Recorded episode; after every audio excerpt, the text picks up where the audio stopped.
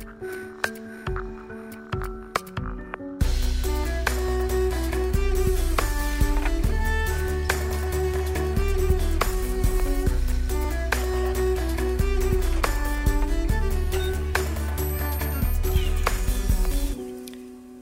og velkommen til en ny episode av Nerve med meg, Tone Sabro. Denne uka, nå, folkens, er jeg tilbake. Eh, det ble, litt, eh, det ble litt mye for meg forrige uke med litt eh, styrete greier, og jeg var ikke helt i form og litt sånne ting, men jeg føler meg bedre nå. Litt, litt friskere i formen. Og tenker at jeg, nå, nå, er det på, på, sin plass. Kan ikke gå lenger nå og vente. Jeg, har, jeg, er så varm nå. Jeg har akkurat drevet og støvsugd og ordna litt her hjemme. Jeg får faktisk uh, Oslo-besøk i dag. Uh, det blir veldig, veldig koselig. Akkurat nå, as I speak, sitter min venninne på toget fra Oslo på vei hit til Vennesla, skal bo her i helgen med meg. Det blir veldig koselig. Gunnar skal bort på fotooppdrag. Så da blir det jentekveld etter kveld etter kveld her.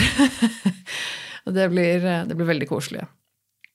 Så, eh, men nei, jeg har vært, jeg har vært litt forkjøla og vært litt, eh, litt smådeppa og sånn. Den sarkoidosediagnosen, den, den eh, Ja, det gikk jo litt inn på meg. Det, var, det er ikke noe hyggelig beskjed å få. Det kommer til å ordne seg, det, altså. Men det er egentlig mest det der med Som jeg var inne på, dette med dette med armen og, og, huden på armen, og at det har liksom helt fucka opp uh, tatoveringa mi, som jeg syns er veldig trist. Um, og så, Jeg hadde en, en, eh, en, livestream i går på kanalen min som heter Tone Sabro på YouTube.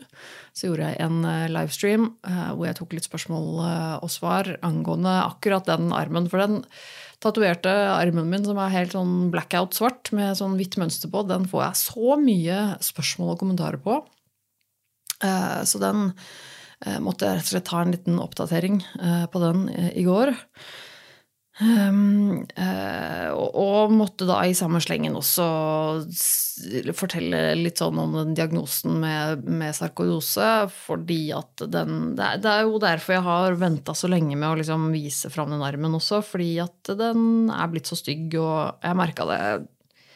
Da jeg snakka om det på livestreamen i går, så så ble jeg blank i øyet, altså. Jeg ble litt emosjonell. Eh, det var eh, det, Ja, jeg kjente det kom noen følelser der. Det var rett og slett litt eh, tøft å snakke om.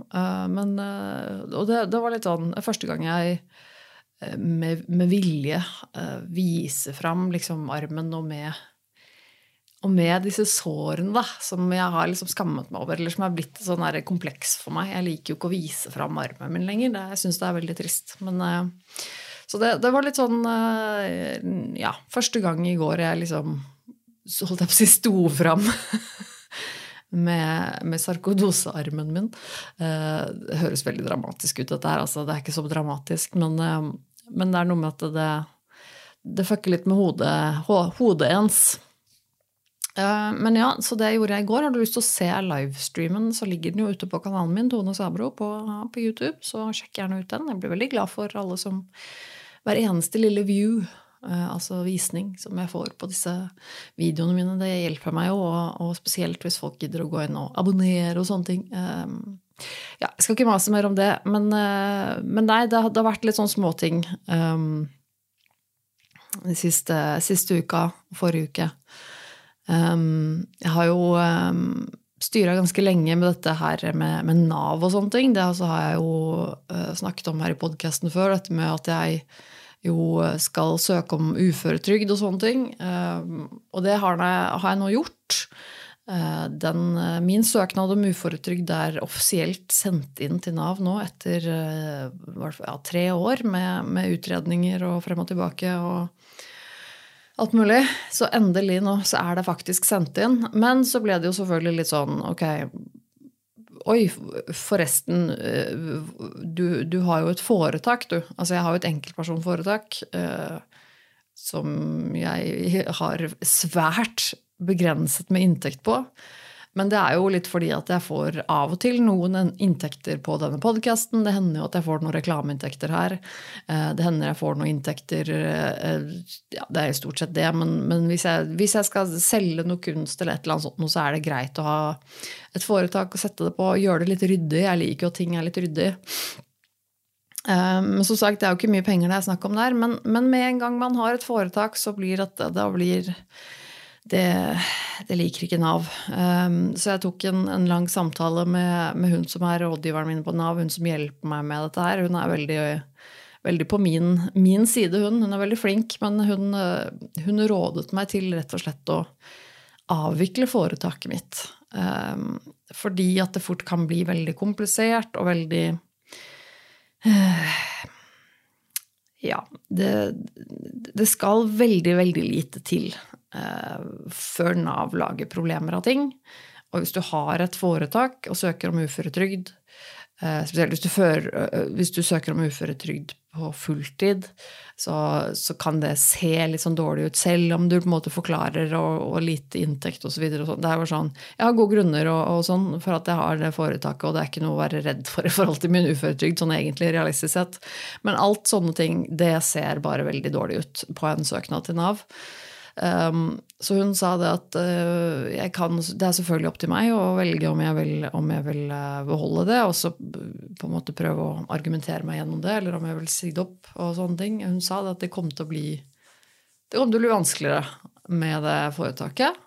Uh, også både for hvordan det ser ut for Nav og i søknaden min, men også for min egen del. fordi da blir det en del litt sånn ekstra jobb, fordi at da må jeg legge ved eh, utskrift av, av, alle inntekter jeg har hatt, og sånn, få en, en, en regnskapsfører eller revisor eller til å liksom legge ved sånne ting i søknaden min, og ditt og datt, som, som er en del ekstra jobb for meg. Og det, så det er jo dritt.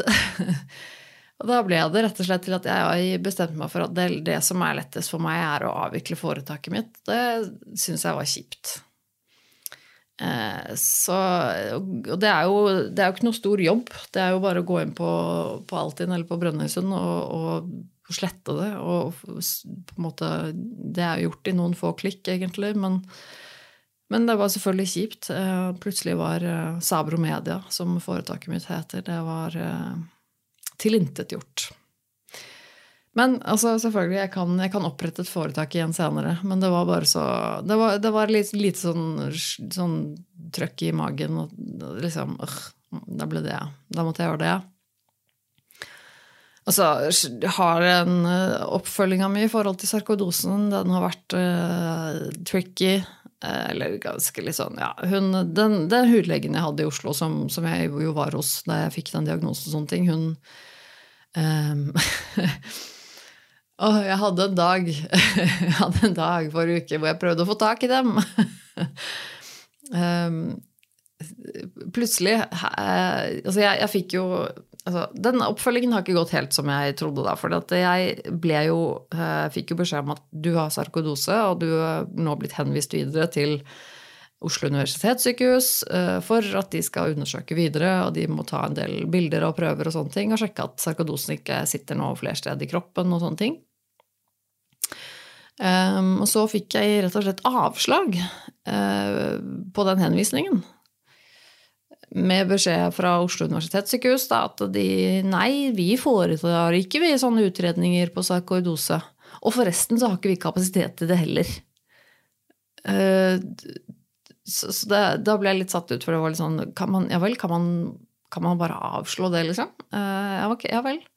Så da, da, ble den avslått. Uh, og så uh, regner jeg med at det var i forbindelse med det, men plutselig hadde jeg bare fått satt opp en time hos hun hudlegen min igjen. Jeg fikk bare en SMS på en fredag ettermiddag, og da snakker vi altså fredag etter klokken fem, for klokken var 17 et eller annet da jeg fikk den SMS-en hvor det sto 'Du har fått en time hos hudlege bla, bla, bla' på mandag klokken ni. Altså førstkommende mandag. Uh, så jeg bare Hva i all verdens rike? Altså, først så er jeg på Sørlandet. Uh, og så har jeg fått en time på mandag klokka ni. Altså, jeg har jo ikke noen mulighet til å ringe og si hva, hva er det der for noe, eller jeg kan ikke komme. Altså, det, det var helt sært. Um, Så jeg møtte jo selvfølgelig ikke opp på den timen, eh, for det kunne jeg jo ikke. Eh, jeg, det, det var, hadde jeg ikke noe mulighet til. eh, Og jeg hadde heller ikke noe mulighet til å si fra at jeg ikke kunne komme på den timen, fordi de, de var jo stengt. De sendte meldingen til meg, og så stengte de. Um, så, så det var jo flott. Så jeg dukket ikke opp på den timen. Og derfor så prøvde jeg å kontakte dem igjen da forrige uke. Jeg prøvde å ringe. Um, og det er sjarmerende med sånne legekontorer som det, som har telefontid en og en halv time. uh, mandag, tirsdag, onsdag. Uh, altså en, en og en halv time er det oppe på telefonen, så du må ringe innenfor klokken sånn og sånn. Uh, mandag, tirsdag, onsdag, og så li- en og en halv time på et annet tidspunkt på torsdager. Eh, og i tillegg til det så, så sier de med en gang på telefonsvaret at det kan være veldig vanskelig å komme igjennom på telefonen. Så det betyr at de er basically ikke interessert i å snakke med noen på telefonen. Um, og det, så jeg tenkte ja, ok, jeg går inn på nettsiden og ser om det går an å sende en, en, en melding, en mail eller et eller annet sånt. Nei, det går ikke, fordi alle de skjemaene som er der, er sånn du må velge dato for når du vil avbestille, eller du, velge, du må velge dato for når du vil ha time. Eh, Det er ikke noe boks hvor du kan skrive en melding. Det er ingenting. Ingen måte å henvende seg til disse menneskene på, annet enn å prøve å komme gjennom på telefonen. Jeg ringte eh, 13 ganger. Eh, den ene dagen i, det tidsrommet, den halvannen timen hvor telefonen var åpen, ringte jeg 13 ganger. Og det ringer og ringer og ringer, og så bare blir det, blir, blir det brutt, eller det går over til en tel- telefonsvarer. Jeg ringer igjen. Det ringer fem ganger, over til telefonsvarer. Jeg ringer igjen, over, ringer fem ganger, over til telefonsvarer. Så jeg skjønner fort at ok, dette her, er- det, det er ikke interessert i å snakke med meg nå. Det passer tydeligvis veldig dårlig å snakke med meg. Eh, men det, det hjelper ikke, for jeg har ikke så mye valg. Jeg må snakke med dem, jeg må ringe. Eh, og så jeg ringer og ringer og ringer. Og så da jeg har ringt, ringt sånn seks, syv, åtte ganger, eh, så kom jeg rett til telefonsvar. Så det er tydelig at de har bare skrudd av telefonen. Det var sånn, nå, nå maser de så fælt på den telefonen vår at nå skrur vi av telefonen. Uh, så jeg ble sånn Ja, ok, ja, hva faen vil du jeg skal gjøre da, liksom? Uh, det, det er ikke så mye mer jeg kan gjøre. Jeg må, jeg må ha tak altså, Fortsetter jeg å prøve litt til. Jeg, ven, altså, jeg venta litt, grann, da. Altså, før tiden gikk ut, så sørga jeg for å ringe igjen. Eh, Da så, og da hadde de skrudd på telefonen igjen, for da ringte det i hvert fall liksom fem-seks ganger før den gikk til denne vanlige telefonsvareren. Eh, Da så måtte jeg ringe et par ganger, og så endelig var det noen som tok telefonen. Eh, Og da var det tydelig, og da tok faktisk hun telefonen selv, hun som var legen der. Og hun er altså så lite hyggelig å snakke med. Hun, med, med alle ord og tonefall så gir hun uttrykk for at hun overhodet ikke er interessert i å snakke med deg. Eh, så hun er rett og slett ganske ukoselig å snakke med. Eh, og det, det, det er altså så frustrerende. Eh, men hun tar telefonen, og så introduserer jeg meg, og så sier hun sånn Ja! Ja, så det var liksom akkurat som hun skjønte, hun visste at det var jeg som ringte. Og kanskje hun kjente meg igjen på nummeret, eller et eller annet, jeg vet ikke. Men det var ok. Eh, og så begynte jeg å forklare hva som er situasjonen. Og hun, eh, hun avbryter meg med hver, hver setning jeg sier, så avbryter hun og sier sånn Ja. eh, ja, Og så prøver jeg å forklare det, at jeg har flytta, nemlig. At jeg fikk en time på liksom, kort varsel. Ja, men du hadde en avbestilling, skjønner du. også, så bla, bla, bla. Og så begynner hun å Før jeg har snakket ferdig, så begynner hun å forklare og, og, si imot meg eller et eller annet. Før jeg får forklart at Og så sier hun Du fikk jo en til Ja, den fikk du, men den dukket du ikke opp på. Nei, det, det, det var ikke mulig for meg, det. For jeg, jeg har flyttet til Sørlandet, og så, og så var dere stengt. Så jeg kunne jo ikke si ifra. Eh, nei, det, det, var bare sånn det var, liksom. Det var helt eh, Hun er så, altså så snerpete og bitchy, den dama der. At er, hun er en parodi på, på seg selv. Um, men jeg fikk etter hvert da forklart at liksom, grunnen til at jeg ikke hadde møtt opp på den timen, og at jeg syntes det var litt rart at jeg bare hadde fått en time der igjen ut av det blå, uten at noen hadde forklart meg hvorfor jeg skulle tilbake dit, når jeg egentlig skulle til et sykehus. Uh, og så ja, Du må jo ha noe oppfølging, da! På denne psykodosen. Vi må jo, ta, nei, vi må jo få tatt noen bilder da, og sjekket da, organene. for det vet, Så jeg bare ja, ja, ja, ja jeg, jeg, det er skjønt. Uh, så jeg prøvde Jeg fikk til slutt forklart at jeg, jeg har flyttet, skjønner du, til Sørlandet. Jeg bor ikke, i, bor ikke på Østlandet lenger engang. Å nei, Nei, ja vel. Uh, ja.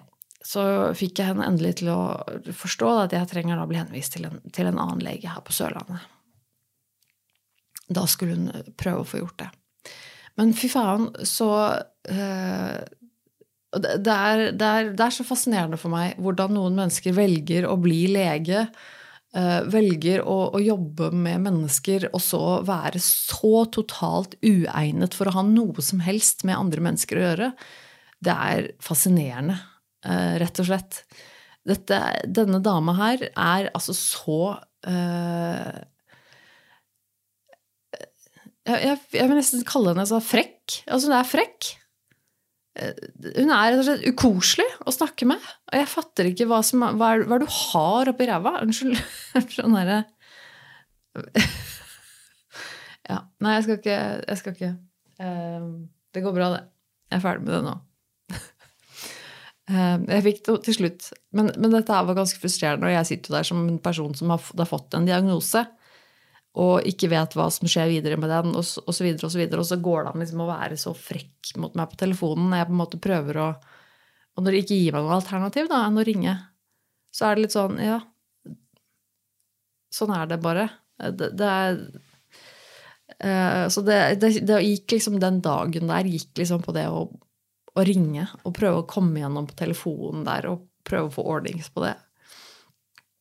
Så nå får vi se da, om, det, om jeg får en innkalling da, til noe videre oppfølging her på Sørlandet. Eh, så det var, eh, det var gøy. Og så er jeg ferdig, ferdig, nede. Det har jeg vel nevnt allerede, tror jeg, med maling og sånn. Og nå kommer altså min venninne fra Oslo, og vi skal, vi skal rett og slett nå få testa at det går an å bo der. Det, det er spoiler alert, det vet jeg fra før at, at det går an. Um, men uh, før jeg snakker meg helt bort, uh, så skal jeg finne fram Jeg fikk nemlig en melding her på min eh, Instagram som heter Nerve med tone. Der fikk jeg en melding fra en lytter. Uh, uh, som jeg syns er som, som, var fin, uh, og som jeg skal lese opp anonymt, selvfølgelig, og så snakke litt om det. Um, og det handler om det, det handler om borderline, personlighetsforstyrrelse. Det er jo um, Det er en, en, Jeg husker da, da, jeg var på den um, Den uh, stigmadagen, der jeg var med i en sånn panelsamtale. Uh, Snakka jo også med noen andre der etterpå som uh, sier hei og, og, sånn. Snakker litt om podkast og sånne ting og ditt og datt. Og, og, det er en sånn ting jeg har hørt flere ganger, at, at, at uh, om det er en ting folk vil jeg skal snakke mer om, så er en av de tingene som stadig blir nevnt, er, er borderline. Eller eh, emosjonell ustabil personlighetsforstyrrelse. Det er en sånn Kan du ikke snakke mer om, om, borderline? Og jo, selvfølgelig kan jeg det. Eh, det er liksom bare litt eh, vanskelig, for at, eh, kan, du, kan, du, snakke om borderline? Altså, ja, eh, men hva hva da? Eh, kan vi være litt mer presis? For det er litt vanskelig for meg å vite da på en måte uh, hva, hva, det skal være. Jeg har jo snakket om borderline her før i denne podkasten. Jeg har jo snakket om personlighetsforstyrrelser og hva det er for noe. Gått gjennom litt sånne ting. Det, så det har jeg jo på en måte allerede gjort. Det er jo ikke noe vits å, å, å gjenta det. Uh, og sånn. Så så derfor syns jeg det var veldig fint da jeg fikk denne meldingen her, som var litt mer spesifikk. Um, denne personen her skriver da en melding til meg, um, og skriver da uh, Jeg elsker podkasten din, du har hjulpet meg mye. Det er veldig hyggelig å høre, så tusen takk for det. Uh, jeg lurte på om du kunne lage en pod om borderline igjen. Men kanskje om du kan snakke om det å være mor med borderline. Vet du ikke har barn, men kanskje det går uansett. Sånn eh, fakta du kan finne eventuelt, hadde hjulpet så mye. Ønsker flere episoder med diagnoser generelt, tvangstanker, the heavy ones, dysosial, og så kanskje en ny vinkel på narsissisme. Føler det blir så svartmalt, har det ikke selv. Men største ønske er det å kunne være en god mor selv med borderline. Ha en nydelig dag. Takk for at du er du. Uh, og det er veldig Jeg syns det er så stas å få sånne meldinger fra folk. Uh, det må jeg si. Jeg syns det er kjempehyggelig. Uh, og det er noe med det at, det, at det, det, vekker noen tanker i meg. Og dette her med å være mor, og være mor med borderline um, det, det, er jo noe som treffer meg litt. ikke at jeg, altså jeg har jo ikke egne barn, men jeg ønsket meg jo barn i mange år.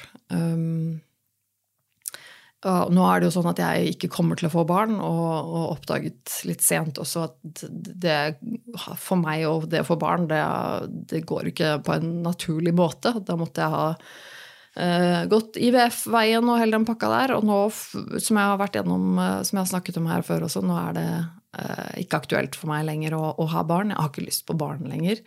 Men det var jo Um, for meg var jo det egentlig hele Altså, hva skal jeg si Hele Liksom fra tidlig alder så, så, var jeg veldig sikker på at jeg hadde lyst til å få barn og familie og sånn. Og jeg tror det, for meg så var det en veldig sånn følelse av at uh, um, jeg Altså, jeg, jeg har jo ikke noe nært forhold til min egen familie. Men jeg ønsket jo alltid det. Uh, og jeg syns alltid det var veldig liksom Jeg, jeg misunnet alltid liksom andre som hadde sånt nært forhold til familien sin, og som um, og, og, og, jeg også hadde en, liksom en, et ønske, en tanke om at liksom At det skulle jeg i hvert fall klare. Uh, uansett hvor vanskelig altså det er sånn uh, jeg, jeg har aldri vært veldig opptatt av sånn karriere og skole, og sånne ting, og det har vært vanskelig for meg alltid. Også pga. mine psykiske lidelser så har det vært vanskelig med skole og sånn. Og det har jeg på en måte tidlig skjønt at, uh, at det kommer ikke til å bli min greie. At det er for vanskelig for meg å få til. Men det å, ha, det å, liksom, det å skaffe min egen familie, det, det, koster meg ikke masse penger. Jeg trenger ikke en lang utdanning for å få det til. Uh, det liksom sånn, det, det var hele tiden min, min liksom, holdt jeg på å si, mitt mål, eller min tanke om at det, det skulle jeg få klare å få til. Det å på en måte finne meg en, en, kjæreste og kanskje gifte meg, og det å få barn og sånn, det å ha en egen familie, det, uh, det, det var liksom det, det, var liksom målet mitt. Det var liksom det som sto høyest for meg, som tenkte at ja, ja, så går ikke de andre tingene som, som folk driver med i livet, med, med, jobb og karriere og sånn. Nei vel, da får jeg bare akseptere at det ikke går. Men en familie, det kan jeg klare. For det, det er sånn som alle kan, på en måte. Eh, og det, var, det, ble en sånn viktig greie for meg. Og jeg eh, hadde jo på en måte lyst på barn allerede fra liksom tidlig 20-åra, 2021. 22, eh, noe sånt rundt der, så husker jeg også var sammen med en person, og vi prøvde jo også en periode å få barn. Jeg hadde veldig lyst, å, liksom, lyst på barn, da. Det var liksom det eneste jeg hadde lyst til å få til. Uh, og så uh, er jo livet sånn at ting går jo ikke alltid som man, man tenker, og man ble, det ble slutt med det forholdet der, og så videre og så videre. Og så og så ble det jo sånn med meg da, at, eh, at, det ikke blir min greie. Eh, jeg kommer aldri til å få egne barn. Um, men det var liksom Det var liksom eh, ja, det, det, var, det, var, stort. Det, det, var liksom en greie. Og det er klart at da blir det jo tilsvarende hardt fall også, når det, når viser seg at det, går i grus det ene målet du hadde i livet, det eh, Nei, det går ikke. nei, det, det, det, selvfølgelig, det er hardt. Eh, men det er også sånn jeg har tenkt på veldig mye i etterkant eh, de seneste årene. Har jeg jo reflektert mye over det. Hva som si, hva livet mitt ble til, det at jeg ikke fikk egne barn. Og situasjonen min og livet mitt har forandret seg veldig mye.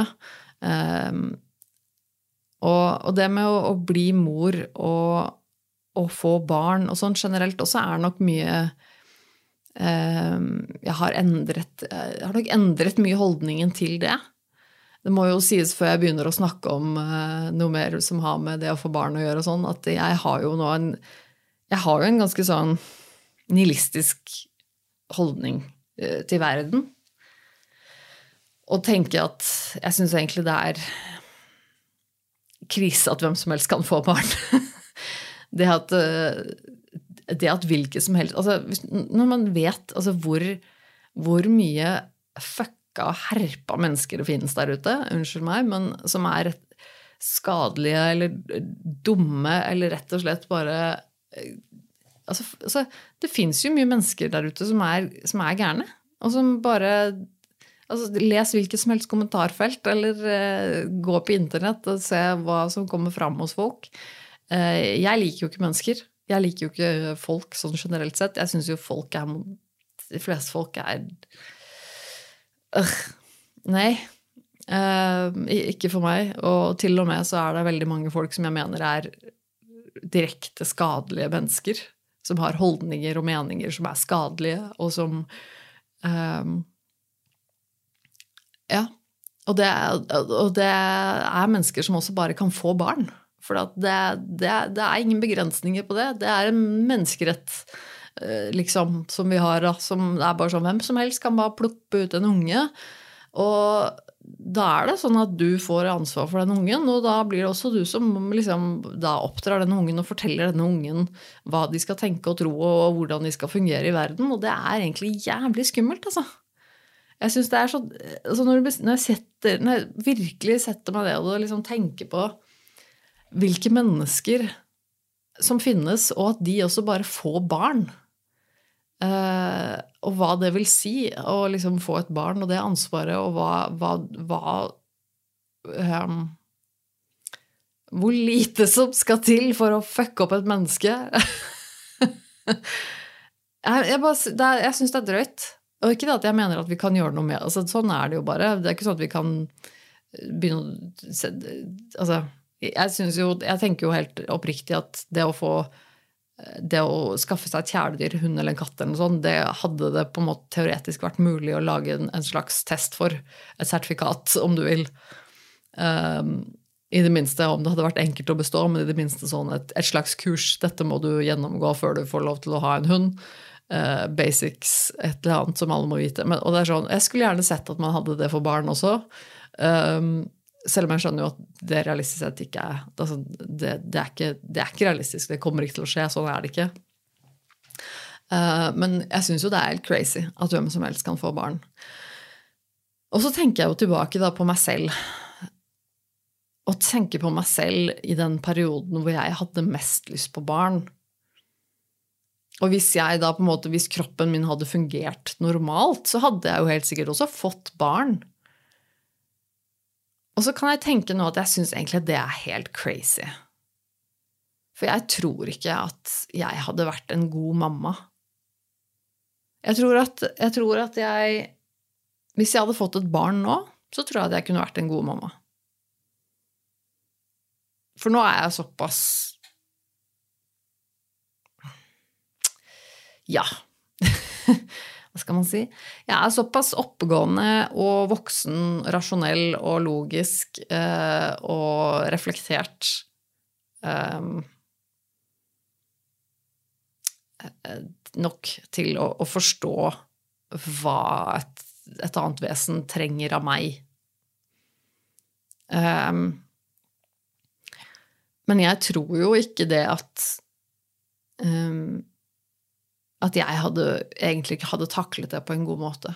Hvis jeg hadde fått barn da jeg prøvde og ville ha barn. Jeg var jo veldig dårlig. Altså, jeg hadde jo borderline og mer det til. Uh, udiagnostisert i mange, mange år. Um, og når jeg ser tilbake på det nå, så tenker, jo, så tenker jeg jo det at jeg er veldig glad for at ikke den personen jeg var da, fikk et lite barn.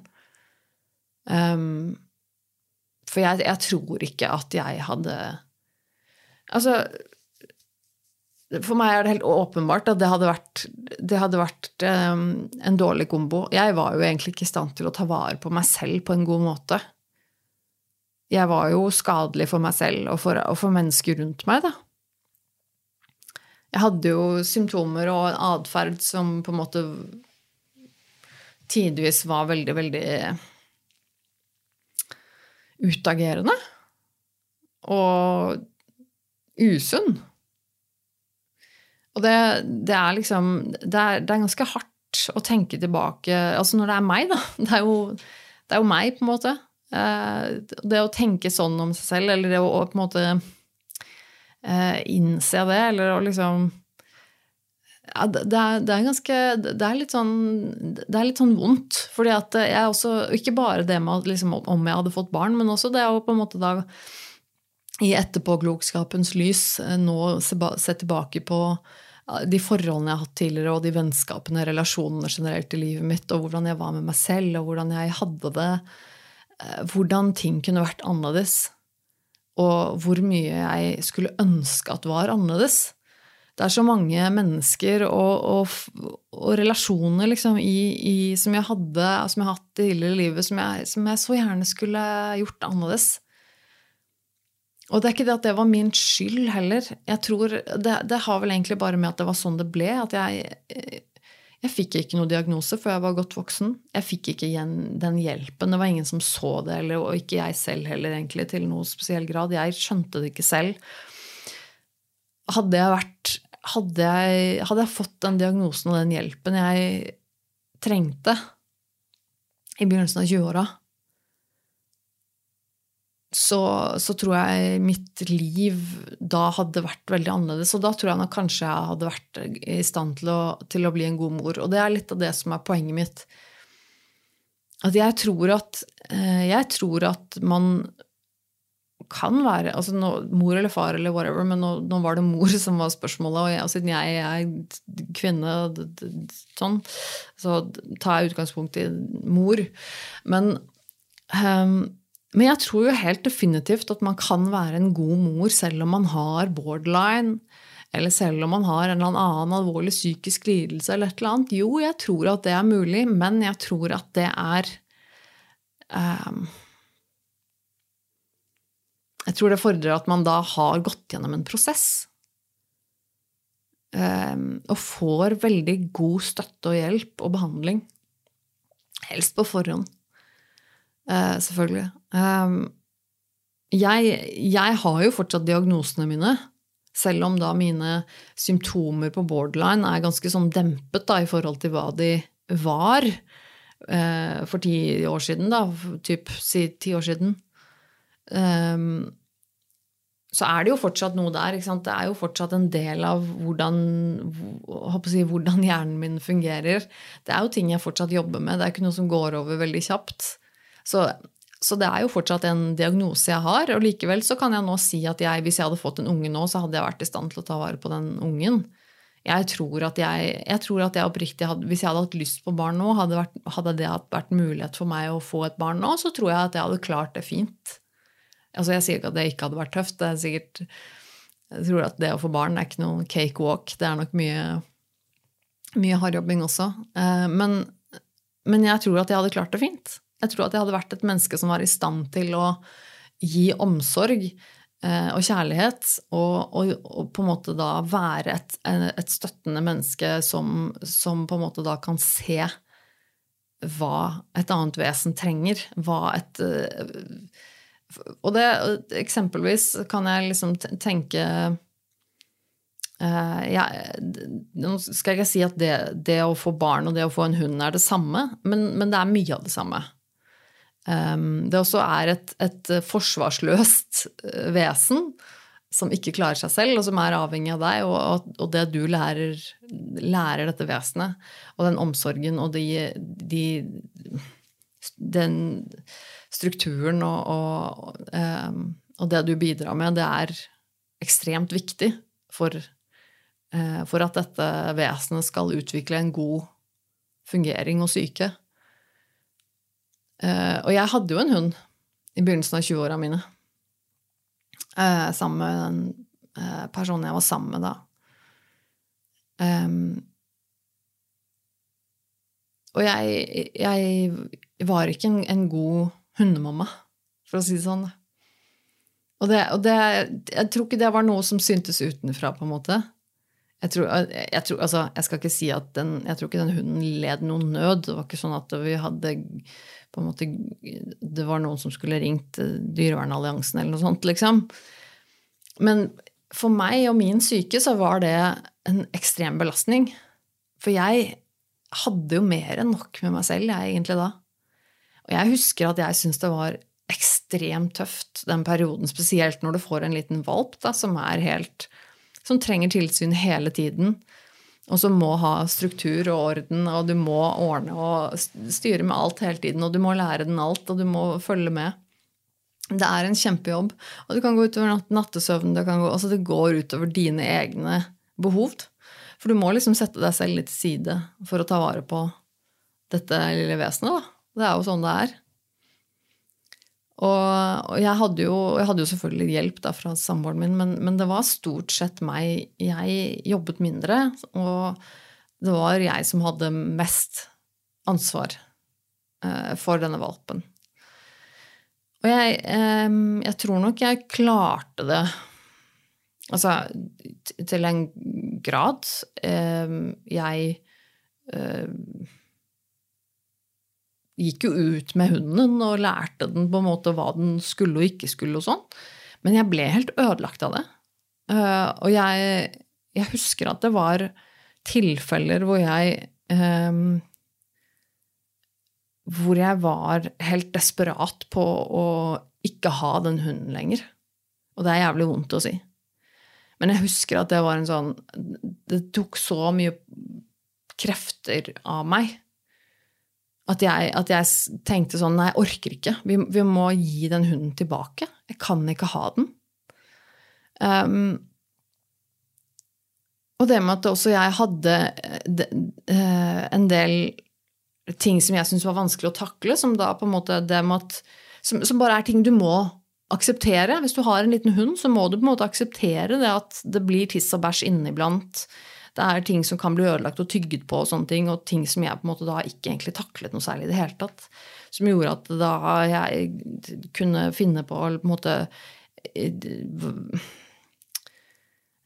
hvordan ble Altså, det var liksom bare Nei, du kan ikke, kan ikke være Kan ikke la hunden være her eller her, eller sånn og sånn. Og det, at jeg får sånne fikse ideer om ting som ikke går, og, og altså, det er helt altså, Jeg husker ikke alt engang, men jeg husker at det var Ehm, jeg husker at det var ikke bra. Eh, at jeg ble ekstremt frustrert. Og, nok, eh, og jeg elsker den lille hunden. Herregud, så mye jeg, kjærlighet jeg hadde for det, det, dyret. Og det er jo ikke det det går på. ikke sant? Jeg, kan, altså, jeg hadde jo masse, masse, massevis av kjærlighet. Men likevel så mye frustrasjon og, eh, og, og, og sinne. Ikke, ikke nødvendigvis med det var ikke sånn at jeg ble sint på hunden, liksom. Men, men, bare i meg selv, da, og at jeg hadde det ikke bra. Det er klart at hvis det hadde vært, det hadde vært sånn over lang tid uh, Og hvis det hadde vært et barn Det er klart at det hadde jo gått inn på dette barnet. Det er klart at barn blir jo, barn blir jo uh, påvirket av hvordan foreldrene er. Sant? Og jeg uh, jeg har altså hatt så mye rare regler og tvangsgreier og eh, følelser som jeg ikke klarer å takle, og, eh, og hat mot meg selv. Og, altså det har vært altså, så en, en storm inni der hodet mitt i så mange år. Eh, uten at jeg egentlig har skjønt hvor syk jeg har vært, eller hva det har vært. Og jeg tror at hvis du da putter en, en baby i armene og i livet på, til en sånn person som har så mye kaos, så tror jeg ikke det er bra i det hele tatt. Um, så, så jeg, og jeg tror um, Så nei, jeg, jeg, tror ikke i utgangspunktet at man, at man bør få barn. Hvis man er alvorlig psykisk syk, så bør man ikke få barn. Og det mener jeg jo helt seriøst. Det betyr likevel ikke at man, at man ikke kan være en god forelder hvis det likevel skjer.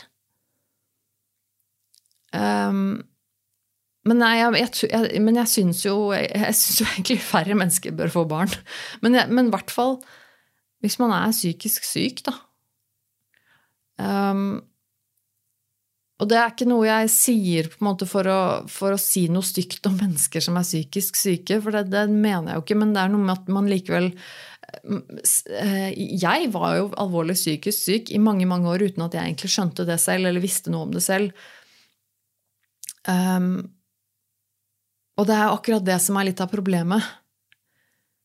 At man, at man kan være veldig syk uten å egentlig forstå omfanget av det selv. Og når man da plutselig blir sittende med et, et eh, lite barn da, og tar vare på et liv, et, et, menneske som trenger stabilitet og trygghet, så er det potensielt en oppskrift for noe som kan bli veldig, veldig ille. Uh, og det er jo ikke noe tvil om at det er veldig mange som har vokst opp da, med med foreldre eller en, en mor eller en far som, som, har alvorlige psykiske lidelser, som også har selvfølgelig blitt veldig påvirket av det, og som også selv er blitt syke, eller som, har, som lever med traumer, eller som, eh, som har fått veldig mye ufortjent dritt, for å si det sånn, da. Fordi at en av, eller begge foreldrene da var syke. Og så tenker jeg jo liksom at det er jeg syns jo at det, det, altså det å få barn, det å sette et barn til verden, er et jævlig svært ansvar. Det er jævlig egoistisk. Jeg tenker at Hvis du først skal gjøre det, så skal du være jævlig godt gjennomtenkt, og du skal ha gode grunner for å gjøre det. Jeg mener jo det. Eh, det å få barn, det å sette et barn til verden, er, er ren egoisme. Det er ingen som ikke eksisterer, som har et behov for å eksistere. Det er foreldrene som har lyst til å lage et barn. Det er egoistisk. Du kan ikke si noe om at, at det ikke er egoistisk, for det er det. Eh, at selv om du skal gi dette barnet det, det, beste, det beste, som fins i hele verden, og, at dette barnet skal få et, et, et godt liv, det, det, kan jeg forstå at, at, du ønsker, men for det første så har du ingen garanti for det. Og for det andre så er det ikke noe sånn at dette barnet som ikke fins, det fins ikke. Og et barn som ikke fins, det har ikke heller behov for å ha et godt liv. Eh, det, det er liksom um, Så jeg tenker at hvis du først hvis du først skal sette et barn til, til verden, så skal du tenke deg godt gjennom. Um, og jeg tenker at da Det å ha psykiske lidelser da, da er det uforsvarlig. I utgangspunktet. Men igjen, som sagt, det betyr ikke nødvendigvis at man må bli en dårlig forelder. Eh, jeg tror at jeg hadde vært i stand til å være en god forelder nå. Selv om jeg har psykiske lidelser. Men igjen, jeg, hvis jeg skulle sett på meg selv helt objektivt, så hadde jeg tenkt at nei, dette er ikke en person som burde ha barn. Og det er kanskje jævlig skarpt og veldig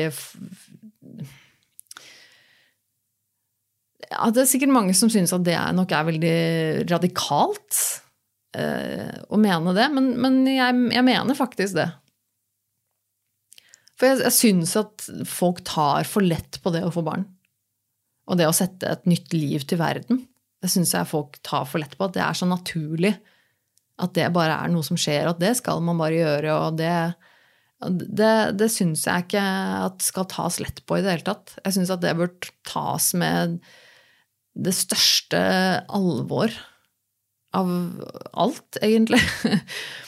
Men også når det er sagt, så syns jeg jo at det er generelt helt sånn krise at også Sånn som hun der statsministeren vi hadde, som sto der og sa sånn Nei, nå syns jeg alle skal få flere barn. Norge, vi må lage flere barn. Og det gjør meg bare forbanna og lei meg, og også med tanke på at liksom Hvor mange barn som fins i verden som ikke har et sted å bo. Og som bor i kummerlige, kjipe forhold, og som bor på barnehjem, eller som Det er sånn vi, Altså det, er så mange prinsipper som, som skriker meg imot uh, på sånne ting. Uh, jeg, jeg syns det er helt horribelt at vi sitter i et så rikt land som Norge, som er, hvor vi er så privilegerte og har det så bra. Og så skal vi klemme ut en unge til når det fins så mange barn allerede som, som, kunne, som kunne bodd her hadde, og jeg, forstår, jeg, forstår, veldig godt at det er mange prosesser med adopsjon for eksempel, som er jævlig vanskelig, og det, det er også en ting å være forbanna på.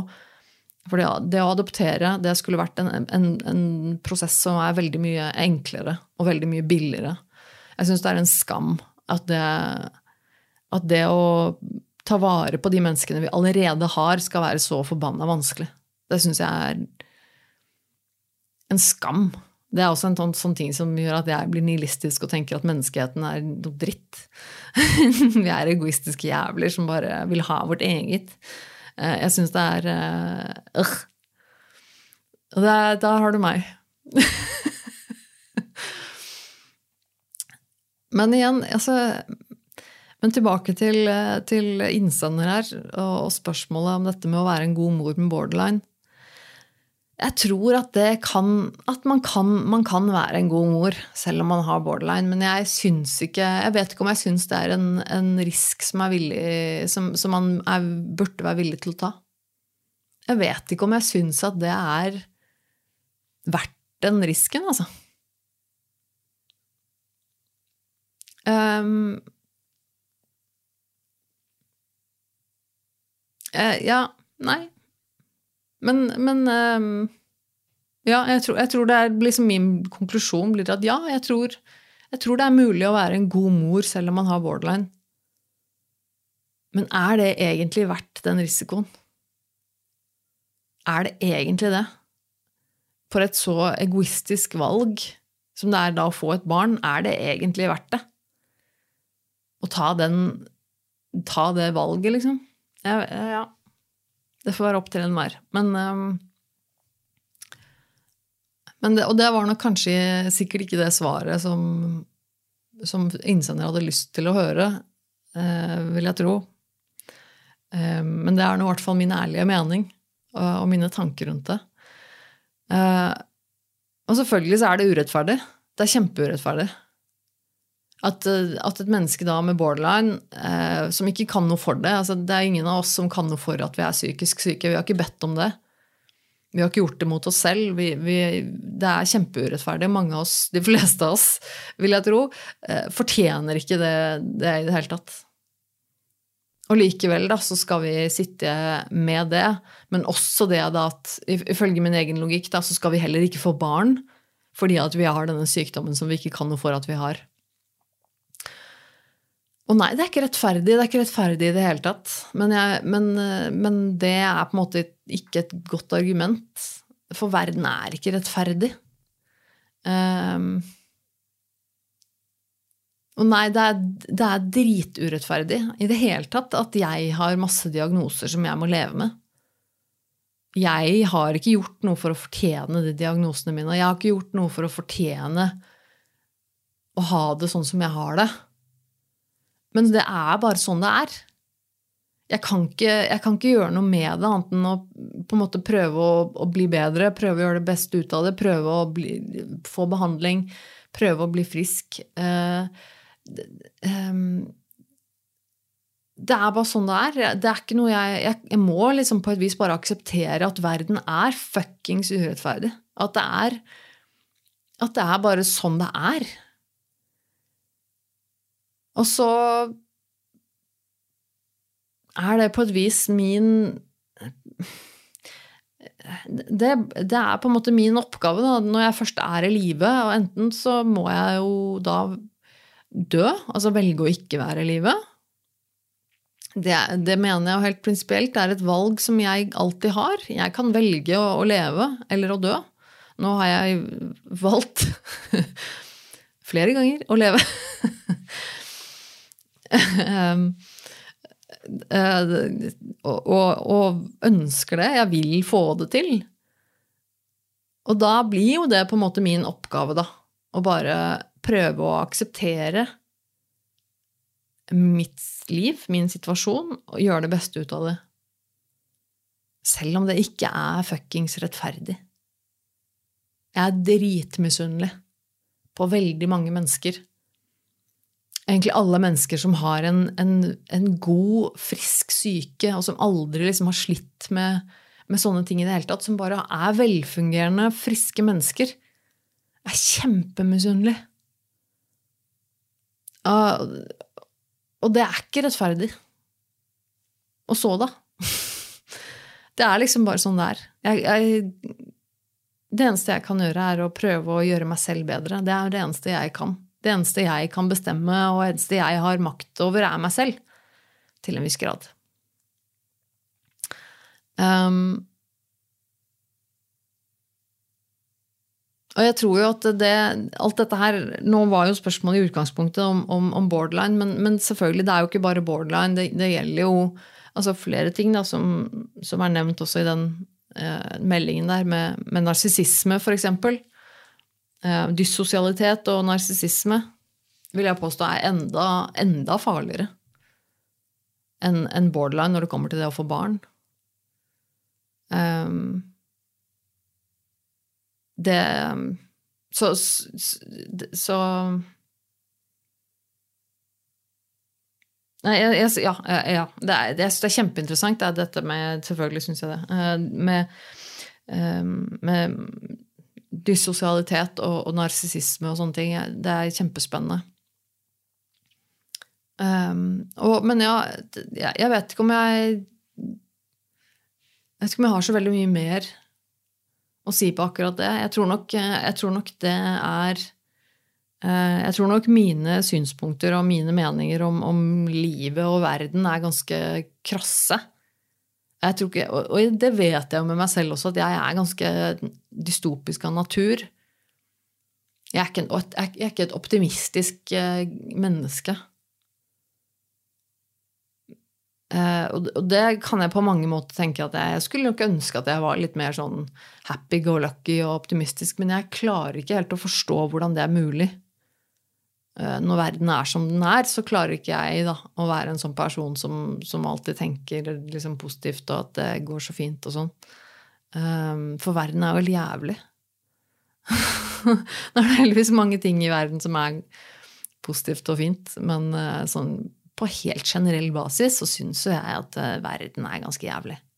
Men, men igjen, ja. Nå er, jeg, nå, nå er, jeg, den jeg er, da. Så um, Kanskje ikke kom til meg hvis du, hvis du vil ha sånn, sånn, positive, optimistiske svar på ting.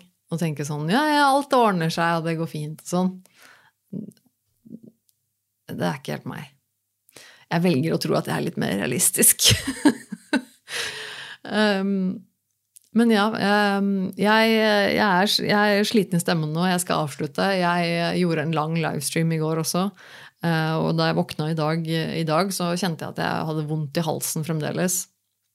Så jeg skal prøve å ikke utfordre skjebnen altfor mye. I tillegg så har jeg en, en, gjest som er på vei, som kommer om en, en, liten stund. Så jeg skal få gjort unna siste, siste touches på denne episoden, få den ut og, og litt sånne ting. Ehm, men, eh, men, igjen eh, til eh, innsender her. Tusen takk for meldinga di. Jeg syns det er veldig kult å, å, få noen sånne spørsmål og, og det er noe sånn tankevekkere, noe som får, får, meg til å tenke litt om hva jeg egentlig syns om ting. Det er, det er kjempegøy. Så, men ja, feel free. Send meg gjerne meldinger og spørsmål. Eh, fortsett med det. Sånne ting som det syns jeg er kjempegøy. Eh, hvis du vil sende meg en, en, mail, så kan du gjøre det på nervemetone at gmail.com. Det er bare jeg som leser de mailene som kommer inn der. Um, eller så selvfølgelig kan du gjøre sånn som innsender her. Sende meg et, en, en, melding i sosiale medier. Enten på nervemetone eller Tone Sabro. Det er ganske lett å finne meg her og der. Jeg gjør alt anonymt. Eh, med mindre det er sånn at noen sier at de eksplisitt veldig gjerne vil ha navnet sitt uttalt, så kan jeg gjøre det. Men utgangspunktet så trenger du ikke å tenke på at jeg skal si hvem du er, for alt er anonymt. Så Men ja. Eh, eh, tusen takk til eh, deg som enten ser dette her live på YouTube, eller i opptak på YouTube, eller hører dette i podkasten min. Det setter enormt stor pris på alle dere der ute som støtter meg og det jeg driver med her i mitt lille stille. Så ja, så håper jeg vi høres igjen om en ukes tid. Det er i hvert fall planen min. Og så sier jeg takk for meg så lenge. Ha det bra.